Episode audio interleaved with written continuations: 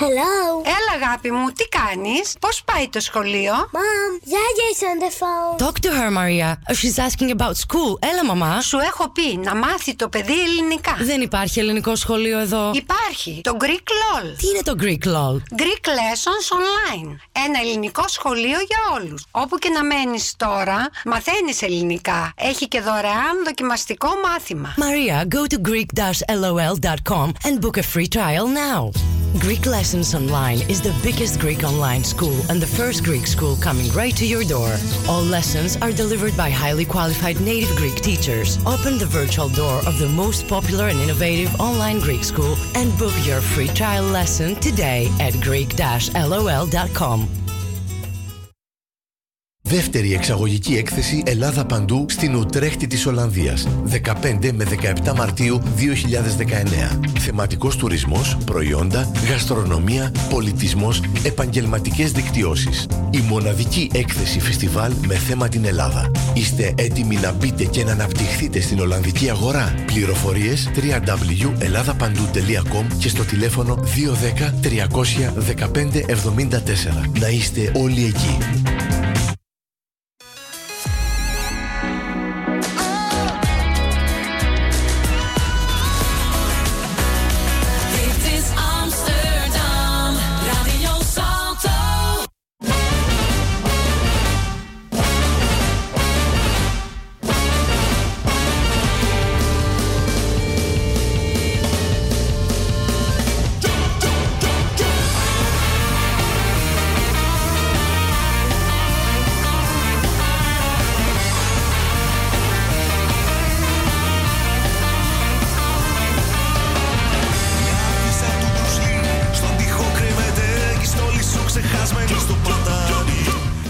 Καλησπέρα από το Άμστερνταμ. Εμείς ακόμα μία Πέμπτη, την δεύτερη του χρόνου.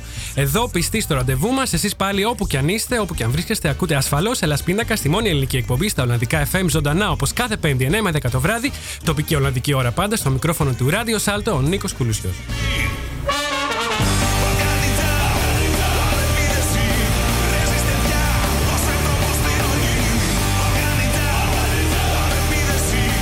Εκπέμπουμε ζωντανά από το δημοτικό σταθμό του Άμστερνταμ. Υπάρχουν αρκετοί τρόποι για να μας ακούσετε live. Αν αγαπάτε το συμβατικό ραδιόφωνο αυτό με την κεραία και βρίσκεστε στο Άμστερνταμ, θα μας βρείτε στο Radio Salto στους 106,8 των FM και καλωδιακά στο κανάλι 103,3 πάλι και μόνο στην περιοχή του Άμστερνταμ. Ενώ διαδικτυακά μας ακούτε παντού στον κόσμο από το site μας το hellaspindakas.com με ένα κλικ στο κουμπί Listen Now.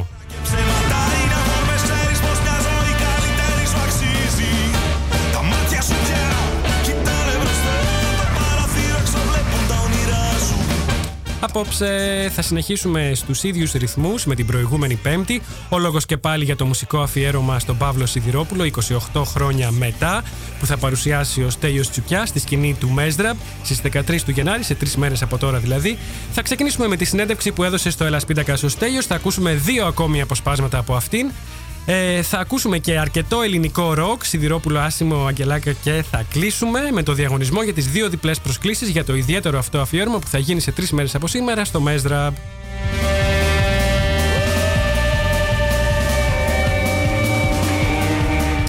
Μείνετε συντονισμένοι στο Hellas Pindakaas. Μας ακούτε κάθε Πέμπτη στις 9 το βράδυ από το Radio Salto.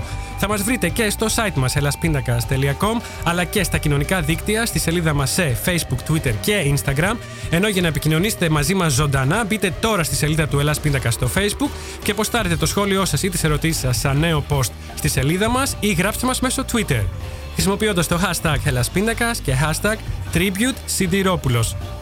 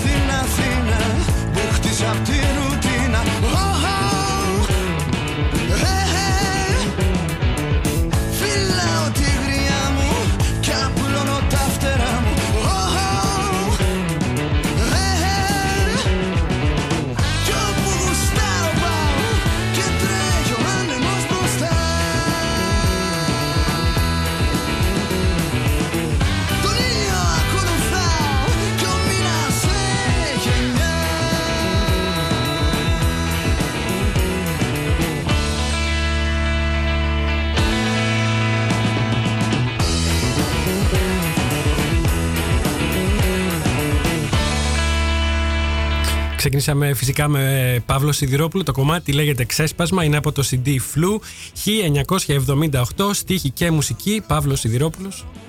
Ακούω χιλιάδες νόμους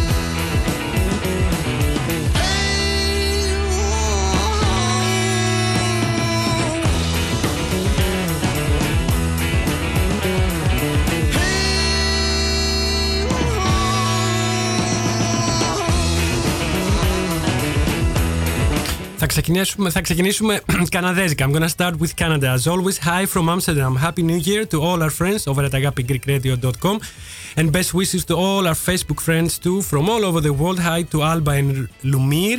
Και χαιρετίσματα στην Γιώτα Μπαρόν, στη Λεοντίν Κλάιμπρινγκ, στον Ιωάννη Παπαδόπουλο, στη Μαριάννα Φωτιάδου, στον Τζορτζ Φόλικ, στην ανιψιά μου τη Μαριάννα που ακούει από το Βελιγράδι, το χιονισμένο Βελιγράδι. Φιλιά,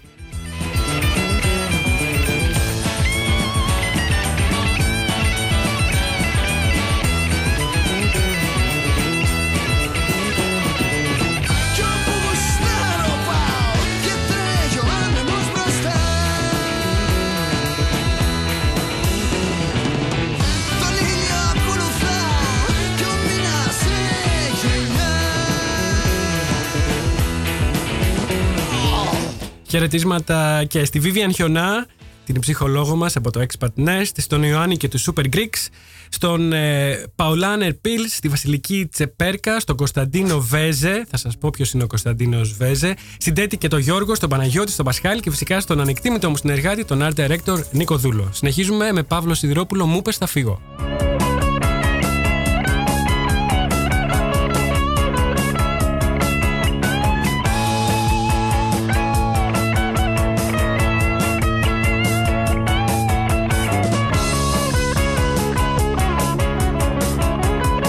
Ελληνικό ροκ και σήμερα και απόψε.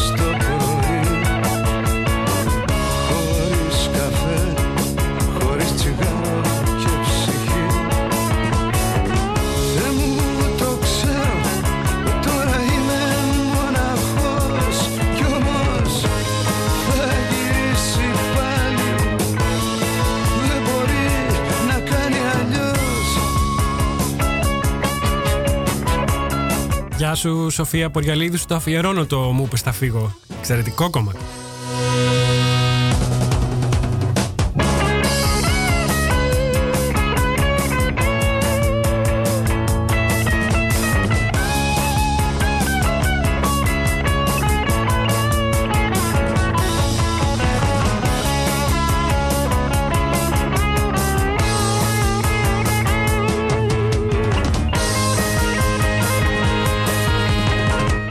Συμφωνείτε. Όλα, αρκετά μάλλον από τα κομμάτια του Σιδηρόπουλου είχαν και στοιχεία blues και soul. Πιστεύω. Εγώ πέρα του, του rock and roll.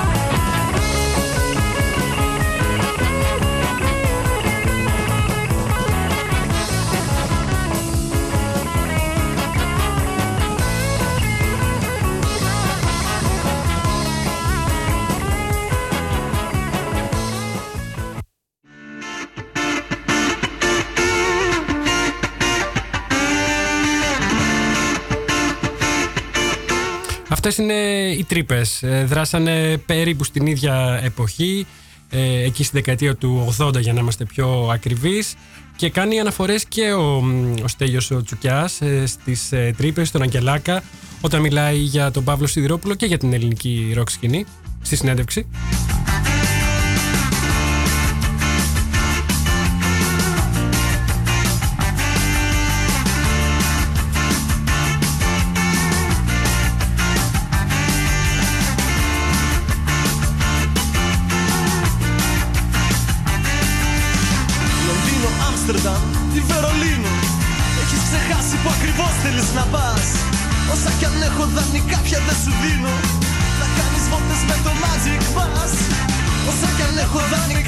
Δανεικά πια δεν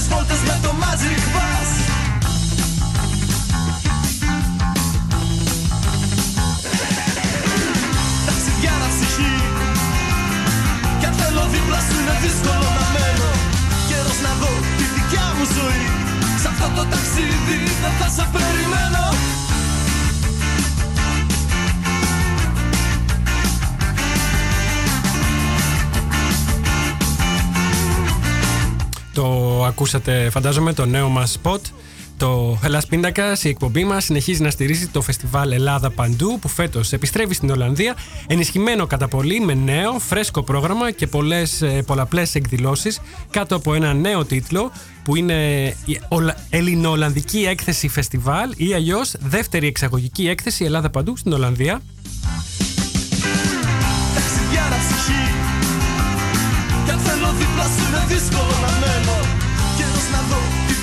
ζωή Σ' αυτό το ταξίδι δεν θα σε περιμένω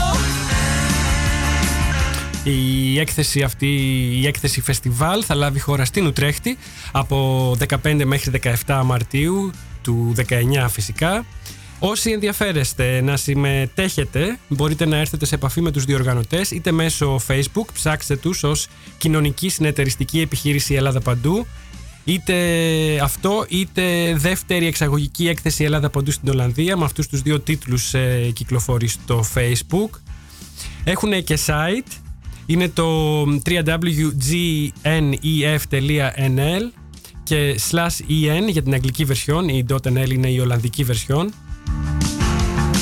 Στο spot ε, ακούτε βέβαια και όλες τις... ε, ακούτε και το τηλέφωνο, ακούτε και το άλλο το site. Έχουν και ένα ακόμη site με το οποίο μπορείτε, μέσω του οποίου μπορείτε να επικοινωνείτε. Θα, παίξουμε, θα παίζουμε δύο φορές κάθε πέμπτη το spot του Φεστιβάλ Ελλάδα Παντού, της ε, εξαγωγικής έκθεσης Ελλάδα Παντού στην Ολλανδία. Μία στην αρχή της εκπομπής και θα το ξανακούσετε το spot και στο τέλος της εκπομπής. Λονδίνο, Άμστερνταμ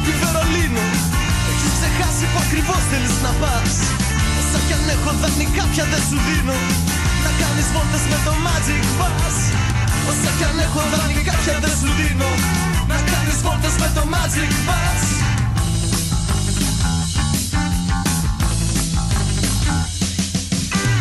Ταξιδιάρα ψυχή.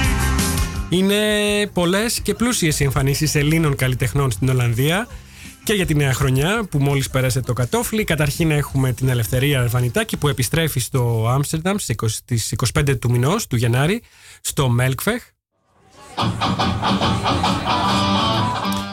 Δύο μήνες ε, αργότερα στις 15 του Μάρτη έρχονται οι Λαβρέντης Μαχαιρίτσας, Νίκος Πορτοκάλογλου, Μιρέλα Πάχου και Στίβεν Τέσσερ και πάλι στη σκηνή του Μέλκφεχ.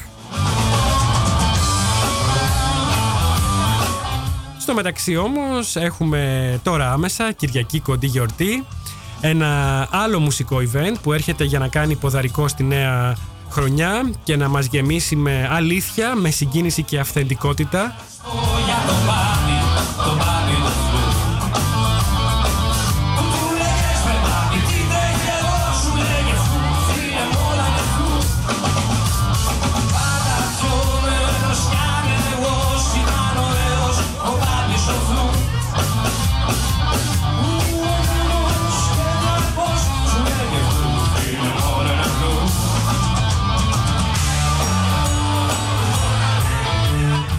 Ο λόγος ε, όπως ακούτε κιόλας για το μουσικό αφιέρωμα στον Παύλο Σιδηρόπουλο που θα παρουσιάσει ο Στέλιος Τσουκιάς σε τρεις μέρες από σήμερα, στις 13 δηλαδή του μήνα, στο Μέζραπ, εδώ στο Άμστερνταμ. Τώρα ακούμε τον Μπάμπι το φλ- τον Φλου live από τον Στέλιο Τσουκιά.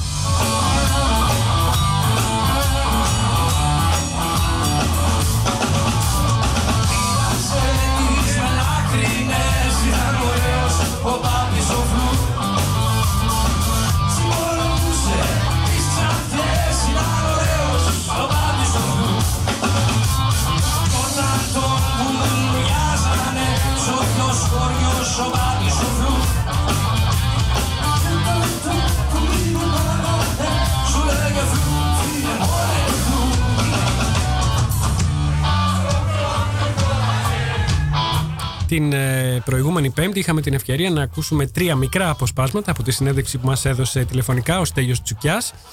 Και απόψε θα ακούσουμε ακόμα δύο αποσπάσματα, τα τελευταία δύο αποσπάσματα της συνέντευξης από 9 λεπτά το καθένα όπου μιλάμε κυρίως για το αφιέρωμα στο Σιδηρόπουλο που θα παρουσιάσει ο Στέλιος Επισκηνής στο Μέζραπ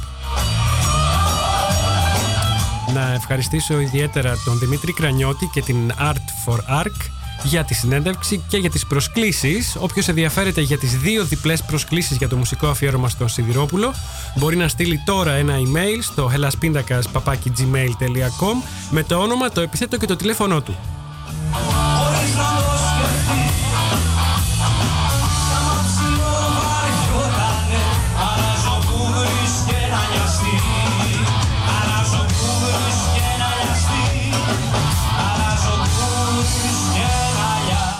Πάμε να ακούσουμε τώρα το πρώτο από τα δύο αποσπάσματα που θα ακούσουμε απόψε.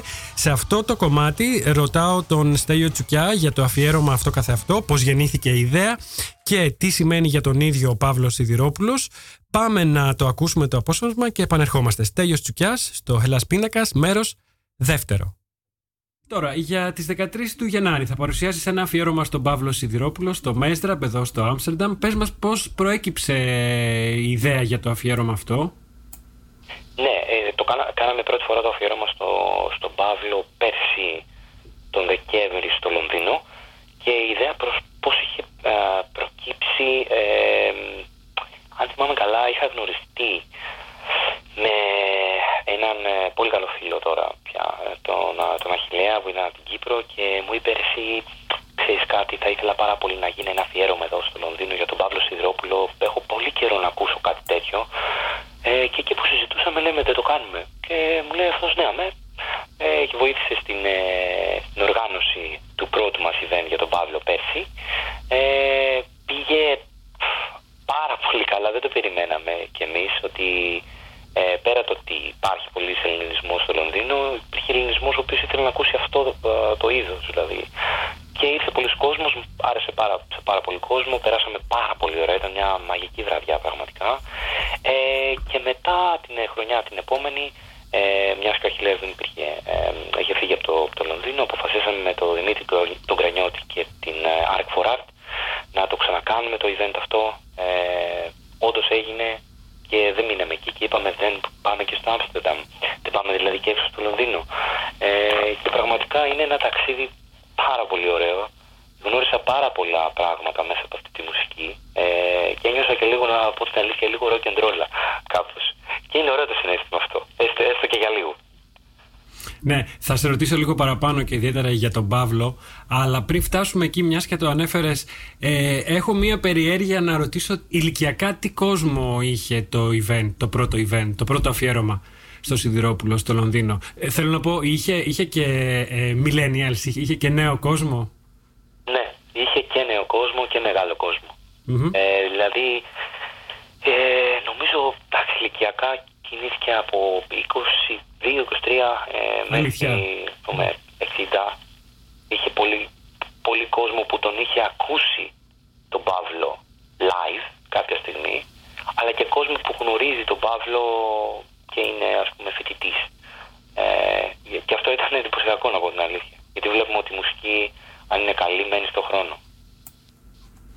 Έτσι είναι, ναι. Και τα κομμάτια ιδίως του Παύλου, αλλά και του Άσιμου που ανέφερες και πριν, έχουν μείνει και νομίζω θα τραγουδιούνται και στους αιώνες των αιώνων που λέμε.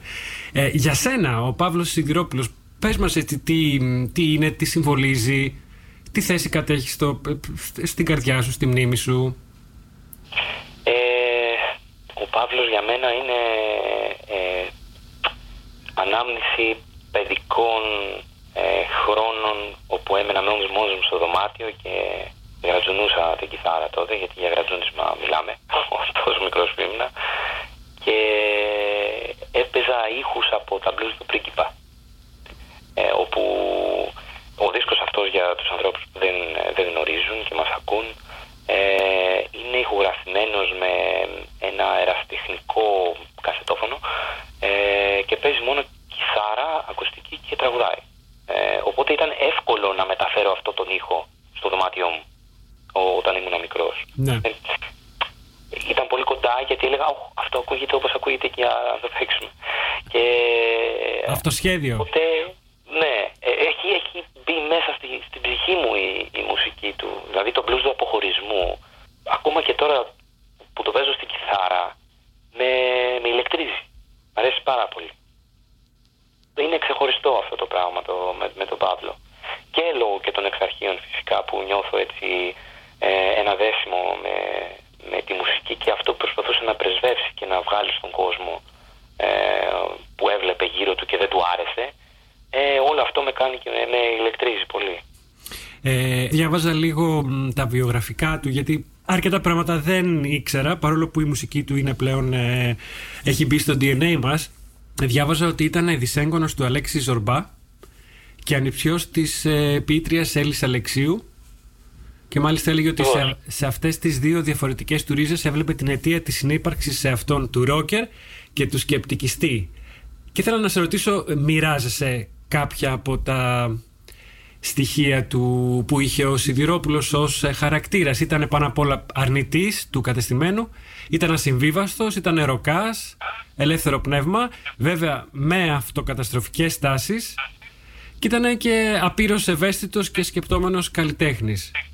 Χωρίς να θέλω να, να σε κάνω έτσι να γίνεις αυτοαναφορικός, αλλά βλέπεις τον εαυτό σου σε κάποια από αυτά τα στοιχεία. Ε, σίγουρα. Ε, μ' αρέσει όταν ακούω κάτι. Ε, να έχει νόημα στον ιστορικό μου κόσμο. Κάτι να μου κάνει. Ή να με... Όταν ακούω κάτι και με προβληματίζει, μου αρέσει πάρα πολύ γενικότερα. Ε, με βγάζει λίγο έξω από την, ε, την ασφάλειά μου γύρω-γύρω και μου λέει ξέρεις κάτι, ναι, την έχεις αυτήν, η- την, ε, τον κόσμο σου τον έχεις φτιάξει, αλλά υπάρχει και κάτι έξω από αυτό που ίσως είναι καλό να το ακούσεις. Ε, είτε είναι μουσικά είτε είναι στιχουργικά. Οπότε τα τραγούδια του Παύλου είχαν έντονο το, το κοινωνικό μ, συγγενεστε, ας πούμε, το- τη- τη- την κοινωνική αναφορά σε πράγματα τα οποία τον έπνιγαν. Ε, ο- μ' αρέσει πάρα πολύ αυτή η προσέγγιση και μπορεί α- ένα κομμάτι που θα βγάλω να μην έχει απαραίτητα ε, αποτυπωθεί ως κοινωνικός προβληματισμός, αλλά να έχει έρθει από την επιρροή μου σκεπτόμενος ε, κάτι κοινωνικά. Οπότε ουσιαστικά ακούγοντας τον Παύλο ε, προβληματίζομαι και μου γεννά μου γεννά την ανάγκη να, να δημιουργήσω κάτι. Α, δεν ξέρω αν σε μπέρδεψα για να απάντησα αυτό που Όχι, όχι. ρώτησες, αλλά ναι, βλέπω στοιχεία. Ε, στοιχεία του εαυτού μου πάνω στον Παύλο. Χωρίς να υπάρχει το αυτό καταστροφικό κομμάτι. Μέσα. Μ' αρέσει που έκανες και τη διαφορά. Εγώ πάντως ε, ε, βλέπω και έναν ε, διάχυτο λυρισμό αλλά από την άλλη πλευρά σε άλλα του τραγούδια βλέπω έτσι μία αμεσότητα και μία κραυγή. Ε, Ναι, για είναι- όλα αυτά που συμβαίνουν ε, γύρω του κτλ. Είναι ακριβώς αυτό που είπες, η- ο συνδυασμός του ροκ και του, σκεπτικ... του σκεπτικιστή. Μμμ. Το ροκ θέλει μια οργή. Ε, θες να φωνάξεις, να βγάλεις από μέσα σου ε, κάτι που σε πνίγει πολύ. Με φωνή, με κραυγή. Ε, και ο σκεπτικισμός είναι κάτι το οποίο μπορείς να το εκφράσεις και με μια πιο, έναν πιο νήπιο τόνο αλλά που και πάλι αυτό θα έρθει και θα καρφωθεί μέσα στην καρδιά ή στο μυαλό αυτό που θέλω να σου πει όπως είναι το, ε, το κάποτε θα έρθουν ας πούμε το κομμάτι έτσι το ακούς και λες πω πω φοβερό τι είναι αυτό που μου λέει τώρα Ναι, έχει μια, έχει μια στοικότητα. Ο χαρακτήρας νομίζω του, του Παύλου έχει μια στοικότητα η οποία όμως ε, είναι και γροθιά στο στομάχι. Ταυτόχρονα. Ακριβώς. Όπως είναι και ο Γιάννης Αγγελάκας, έτσι. Ε, Φυσικά. ο συνεχιστής, ας πούμε, ε, της ε, ελληνικής ροκ σκηνής. Ε, οι τρύπες είναι φανταστικό συγκρότημα και παίζουμε και από τις τρύπες δύο-τρία τραγούδια στο αφιέρωμα αυτό. Ακριβώς για αυτό το λόγο, γιατί είναι ουσιαστικά συνεχιστές της, ε, της ροκ μουσικής, όπου την έφερε ο Παύλος πρώτη φορά με ελληνικό στίχο μαζί με τον Πουλικάκο. Ε, είναι αυτή η οργή που θέλεις να, να εκφράσεις κάτι, αλλά μπορείς να μιλάς και για αγάπη ταυτόχρονα, έτσι. Ε, να είσαι οργισμένος που ο κόσμος δεν κοιτάει την αγάπη. Να το εκφράζεις με οργή και όχι με κάποιο ε, παθητικό τρόπο. Ε, εσύ θεωρείς τον εαυτό σου συνεχιστή της ελληνικής ροκ σκηνής γιατί ήδη ανέφερες ε, εκτός από τον Άσιμο, τη Γόγου, ανέφερες τον Αγγελάκα, τις τρύπες. Ε, όχι, δεν θα το έλεγα αυτό. Εντάξει, θα ήταν και πολύ βαριά η δήλωση αυτή. θα την κάνω. Ε, Είσαι ροκάς πάντως; Θεωρείς τον εαυτό σου ροκά; όχι, στα- όχι, στα δεν θεωρώ- σημεία; Δεν θεωρώ, δεν Όχι. θεωρώ τον εαυτό μου ροκά όπως με, με, με την απολυτότητα του, του όρου αυτού. Ε, μ' αρέσουν πάρα πολύ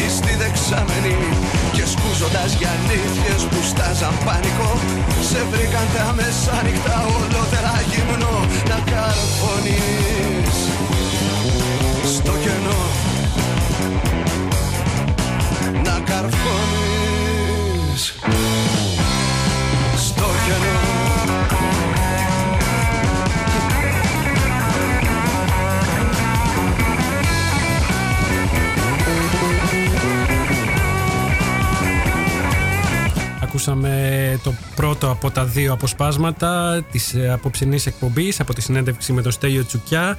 Η μουσική όταν είναι καλή μένει στο χρόνο μας είπε ο Στέλιος ε, ε, κάνοντας αναφορά φυσικά στα τραγούδια του Παύλου. Μας είπε ότι ο Παύλος για αυτόν σημαίνει αναμνήσεις παιδικών χρόνων που γρατζουνούσε μόνος του στο δωμάτιό του την κιθάρα του παίζοντας τα blues του πρίγκιπα Μάτια στα μάτια της τα δυο Τριγυρνάει στα μουσεία με ένα μπάσταρδο μωρό. Κι ανάμεσα στις πέτρες τη Σία το άγνωστο Θεό Κόβει δόλια μάνα τη γλώσσα από το μωρό Τραγουδώνα. Σ' αγαπώ. Μας είπε ότι του αρέσει να ακούει τραγούδια που τον προβληματίζουν που μπορεί να είναι έξω από αυτόν, έξω από αυτό που έχει χτίσει ως ε, ε, μουσικό ε, σύνολο, κόσμο δικό του. Μας μίλησε φυσικά και για τον ε, Αγγελάκα και τις τρύπες που τους θεωρεί συνεχιστές της, ε, ε, της πορείας του Παύλου Σιδηρόπουλου στο ελληνικό ροκ, ροκ με ελληνικό στίχο. Μας ανέφερε και τον Πουλικάκο φυσικά, σημαντικό, σημαντική αναφορά. Το προηγούμενο κομμάτι ήταν ε, Σιδηρόπουλος, Τω Αγνώστω Θεώ με ωμέγα και τώρα ακούμε δεν χωράς πουθενά τρύπες.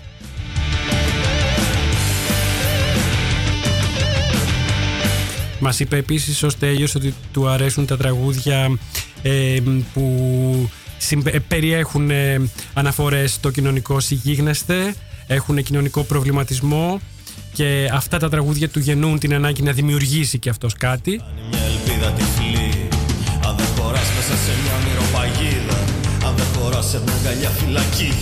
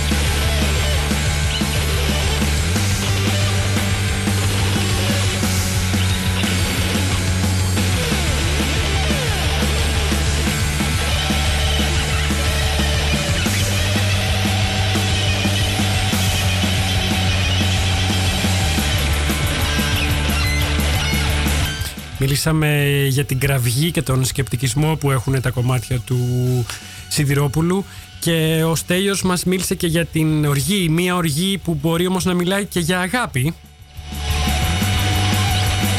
Είπε ότι μπορούμε να μιλάμε μέσα από τα τραγούδια μας όπως ο Παύλος για την αγάπη όχι όμως με ένα παθητικό τρόπο αλλά με έναν ε, ε, επιθετικό θα έλεγα εγώ παραφράζοντας με μία οργή και παρόλα αυτά να μιλάμε για το αίσθημα της αγάπης.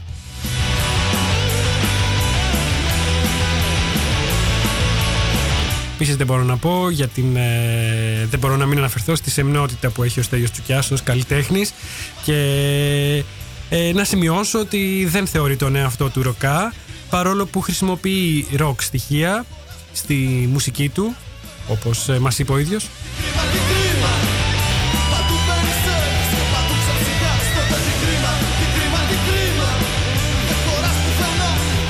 Τώρα μ, θα φύγουμε σιγά σιγά από τις τρύπες και θα πάμε σε ένα κομμάτι που έγραψε ο Νικόλας ο Άσιμος. Ε, επίσης ε, έδρασε στην εποχή που έδρασε και ο Σιδηρόπουλος. Ταυτίζονται ως ένα σημείο, σε ένα βαθμό οι πορείες τους, οι πορείες των δύο. Τώρα ακούμε το κομμάτι Αγαπάω και αδιαφορώ, ερμηνευμένο από τον Βασίλη Παπακοσταδίνο.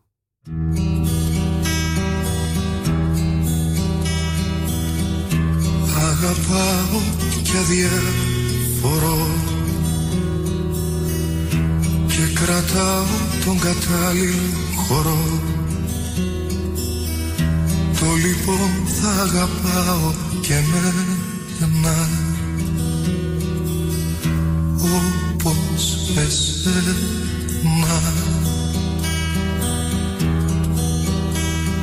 Μην παρανοείς τα λόγια που έχω πει.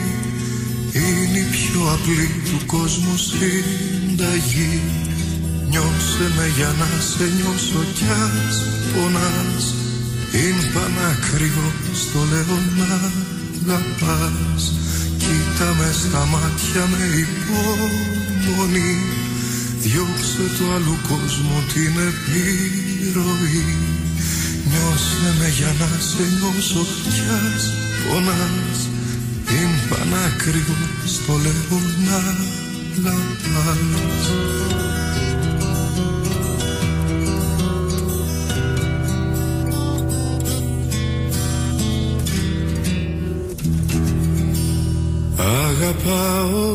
Αγαπάω και αδιαφορώ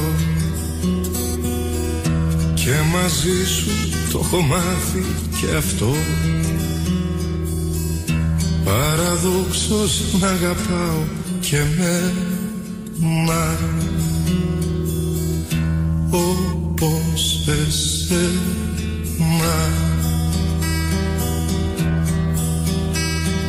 Την εικόνα αυτού του κόσμου δεν μπορώ Ούτε μέσα στη σκιά του θα χαθώ. Μάγεψαν και σένα ναι ταξωτικά Κάνεις πάλι κύκλους σ' άλλη αγκαλιά. Και μη μας τρομάζουν πως μου οι πληγές Στις χρυσές στιγμές μας πλάι και αυτές. Νιώσε με για να σε νιώσω κι ας πονάς. Είναι πανάκριβο στο λέω να αγαπάς.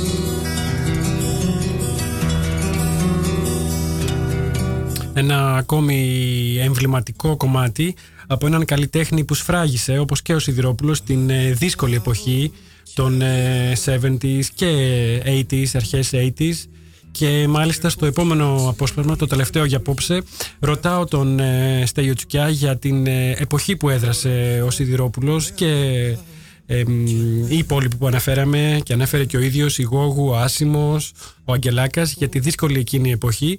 Και το ρωτάω αν μπορεί κάποιος να παραλληλήσει τις ε, συνθήκες τότε με τις σημερινές συνθήκες. Και μου απαντάει ε, θετικά, θα τον ακούσετε. Πάμε τώρα να ακούσουμε Παύλος Σιδηρόπουλος και πάλι, αν ήσουν φίλος.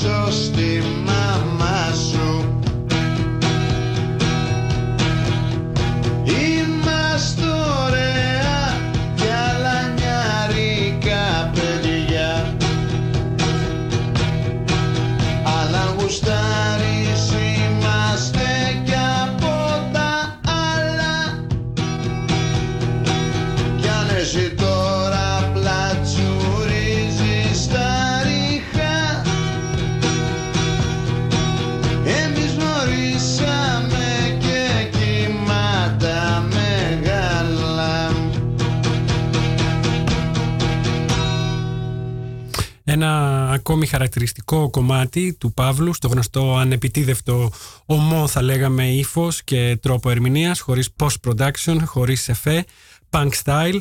Πάμε τώρα να ακούσουμε μ, το δεύτερο και τελευταίο απόσπασμα για απόψε από τη συνέντευξη με τον Στέλιο Τσουκιά.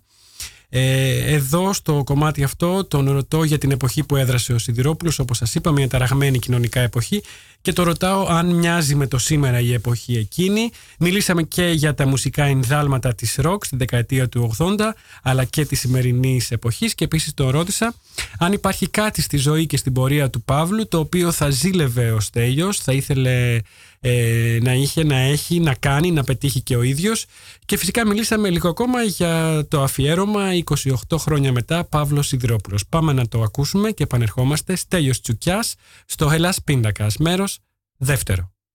Η εποχή που έδρασε ε, μουσικά τουλάχιστον ο Παύλος και οι υπόλοιποι που αναφέραμε, ε, ο Άσιμος, η Γόγου, ήταν μια ταραγμένη κοινωνικά και πολιτικά εποχή. Ε, Βλέπεις να μοιάζει με την εποχή την τωρινή; Ε, 100%. Σε κάποια αυτό, θα σημεία. ήθε- αυτό ήθελα. θα- πριν ε, ολοκληρώσω την ερώτησή σου, θα σε διέκοπτα, αλλά το είπες. Ότι Ναι. θα έλεγα γιατί δεν είναι ταραγμένη η τωρινή πολιτική ε, σκηνή. Τηρούμενο των αναλογιών και πάλι. Άρα περιμένεις να βγάλει και η δική μας εποχή αναλόγως εμβληματικούς ε, ανθρώπους θα πω. Δεν θα πω ούτε μουσικούς ούτε ανθρώπους. Ε, φυσικά και νομίζω ήδη έχει Ήδη; βγάλει. Απλά νομίζω ότι πρέπει, πρέπει ξέρεις, να περιμένουμε λίγο σε βάθος χρόνου. Όταν τα έκανε ο Σιδηρόπουλος αυτά που έγραφε και έπαιζε, δεν ήταν ε, οι, οι posters που έχει σήμερα τότε που το έκανε, δηλαδή real time, δεν υπήρχε. Δεν ήταν είδωλο ένας Άσχετα, ακόμα. Βέβαια, Δεν βέβαια. ήτανε, ναι. Οπότε πρέπει να περιμένουμε, να έχουμε λίγο την υπομονή. Εντάξει, ε, σίγουρα έχει βγάλει και η τωρινή εποχή. Η εποχή δηλαδή, ε, όπου ξεκίνησαν να γράφονται κάποια κομμάτια στα τέλη της δεκαετίας του 90, αρχές 2000, υπήρχε και το πέρας του χρόνου. Και τώρα βλέπουμε ας πούμε τον Θανάσης Παπακοσταντίνου, ε, ο οποίος είναι πάρα πολύ αξιόλογος τραγουδοποιός, γράφει απίστευτα πράγματα, ε, να είναι τώρα στη θέση οδηγού μιας ε, αξιόλογης μουσικής. Αλλά όταν τα έγραφε και εκείνος στη δεκαετία του 90, του 90 αρχές 2000 δεν είχε γίνει ακόμα αυτό. Δε- Χρειάζεται χρόνο η μουσική. Έτσι είναι. Κάτι τελευταίο για τον Παύλο. Υπάρχει κάτι στη ζωή του ή στην πορεία του που ζηλεύεις, που θα ήθελες να, να κάνεις, να έχεις; Ε, να- λέω, η αλήθεια είναι ότι Με την καλή την έννοια, γιατί πολλοί κόσμος έχει παρε, παρεξηγήσει τη, τη λέξη αυτή, το ρήμα αυτό. αυτό θα έλεγα. Δεν, δεν, δεν, δεν ε, μπορώ να πω ότι λέω κάποιον ε, συνάδελφο ή καλλιτέχνη παλιά. Ε, αλλά αν είναι κάτι που θα ήθελα να το έχω σαν παράδειγμα, Ναι.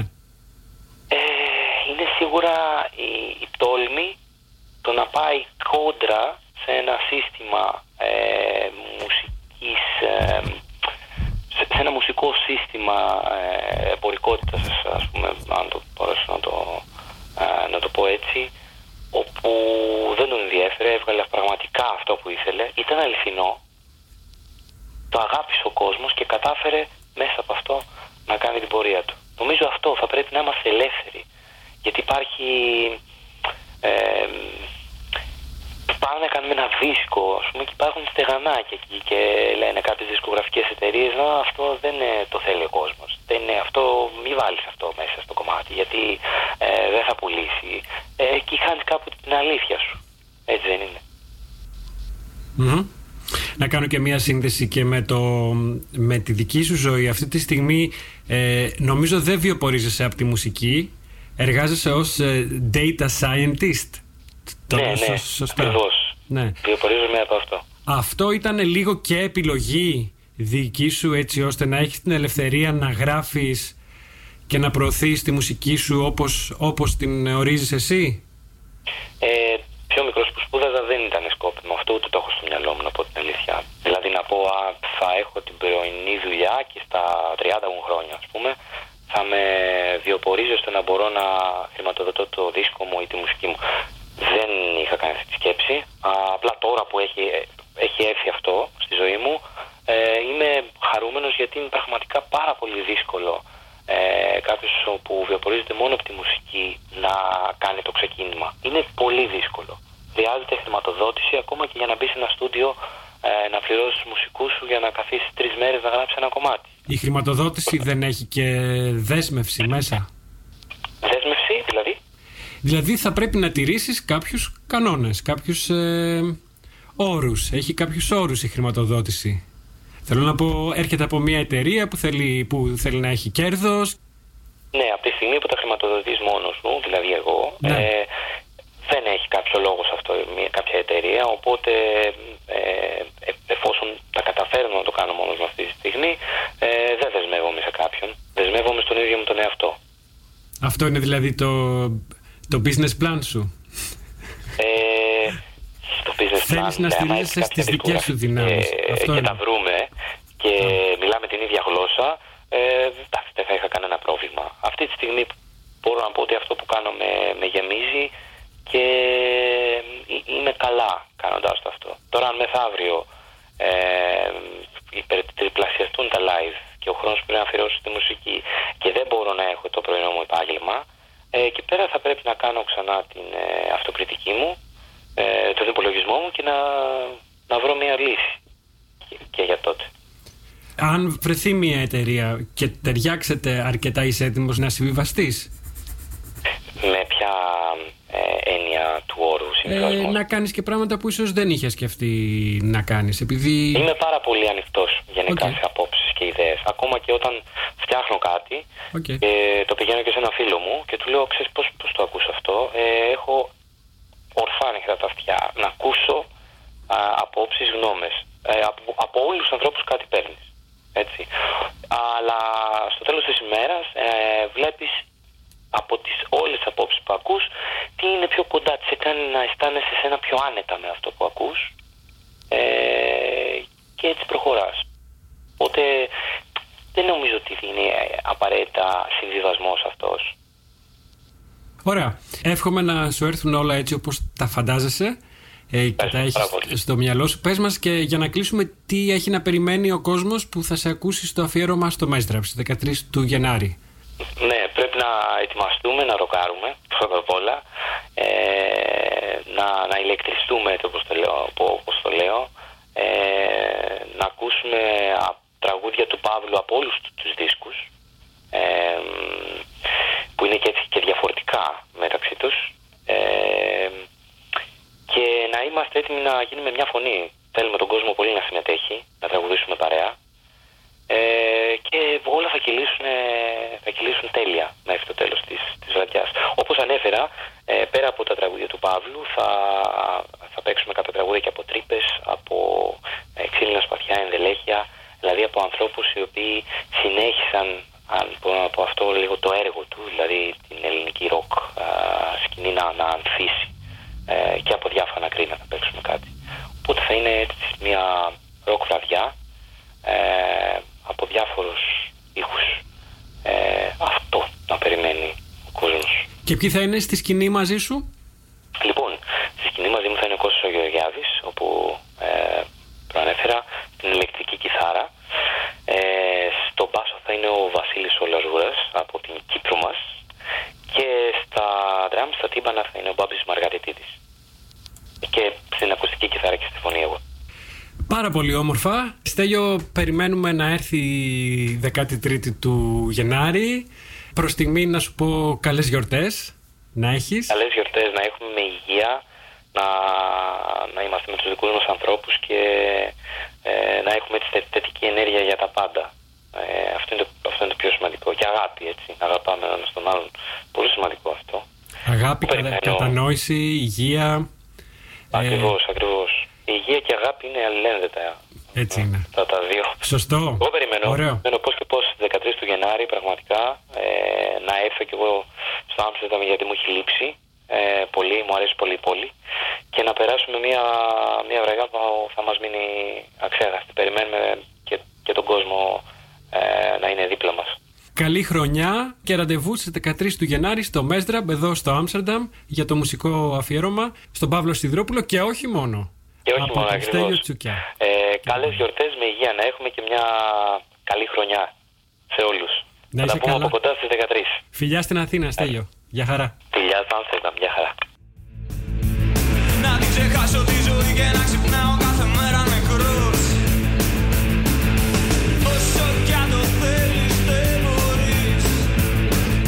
Επιστρέψαμε, ακούμε ξύλινα σπαθιά. Θα παίξουν και ξύλινα σπαθιά και ενδελέχεια. Θα παίξει ο Στέλιος Τσουκιάς ε, και η μπάντα του. Όσοι θα είναι επισκηνή στο Μέσδραμπ σε τρεις μέρες από σήμερα, στις 13 του Γενάρη, την Κυριακή δηλαδή, την ερχόμενη Κυριακή. Φταίει η μαμά που σου πουλάει παραμύθι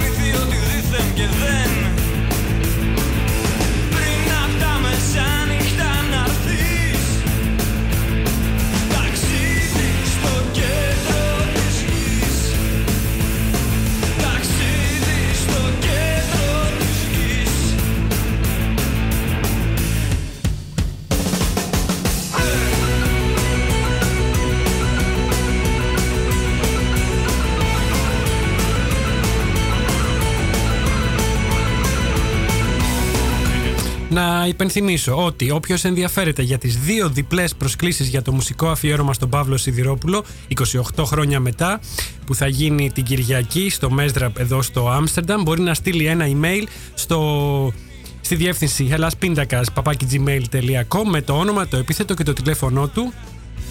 Μέρα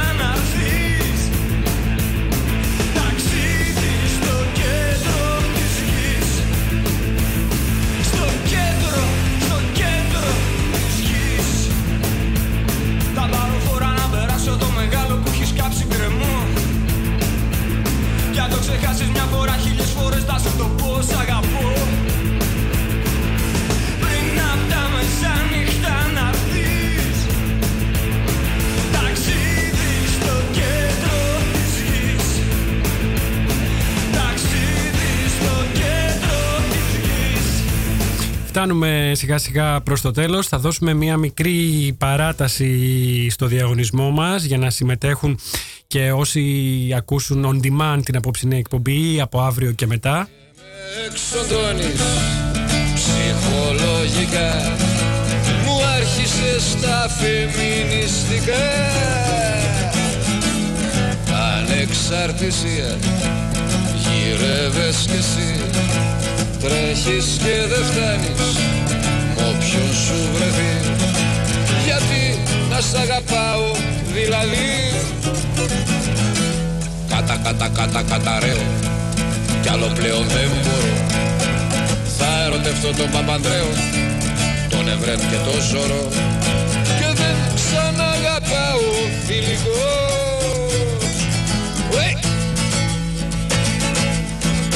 Κάπου εδώ σας λέμε Χουιενάχτ. Ε, Αυτός είναι ο Νικόλας Άσιμος και το Καταραίο. Θα κλείσουμε με τον Παύλο Σιδηρόπουλο και το 69 με κάποιο φίλο. Ε, Σας λέμε λοιπόν Χουιενάχτ. Ανανεώνουμε το ραντεβού μας για την επόμενη Πέμπτη πάντα σε 9 το βράδυ τοπική ώρα από το ράδιο Σάλτο. Μας ακούτε και σε αναμετάδοση κάθε μέρα, δύο φορές την ημέρα από το αγάπη greekradio.com. Την ερχόμενη Πέμπτη, 17 του μήνα, θα έχουμε στο στούντιο τον Κωνσταντίνο Βεζεστεντζή, a.k.a. Κωνσταντίν Βεζέ. Θα τον ξέρετε ίσως από τα βίντεο για τη ζωή εδώ στην Ολλανδία που ανεβάζει στο κανάλι του στο YouTube που είναι το Television. Μέχρι την επόμενη Πέμπτη να είστε καλά και να περνάτε ακόμα καλύτερα.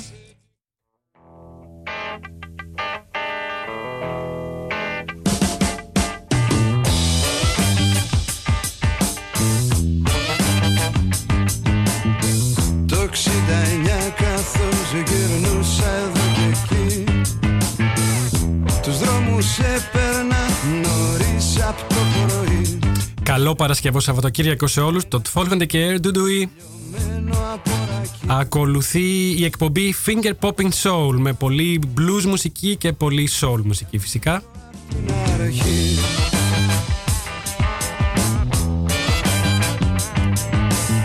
Σε ένα παγκάκι στο μουσείο σε μια γωνιά. Μου είπε κλατάρω δεν αντέχω άλλο πια. Δουλειά και σπίτι, σπίτι και δουλειά. Θα τα φτύσω όλα και θα φύγω μια βράδια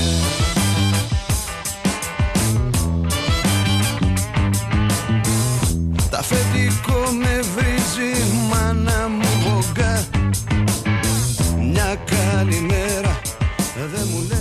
λένε στη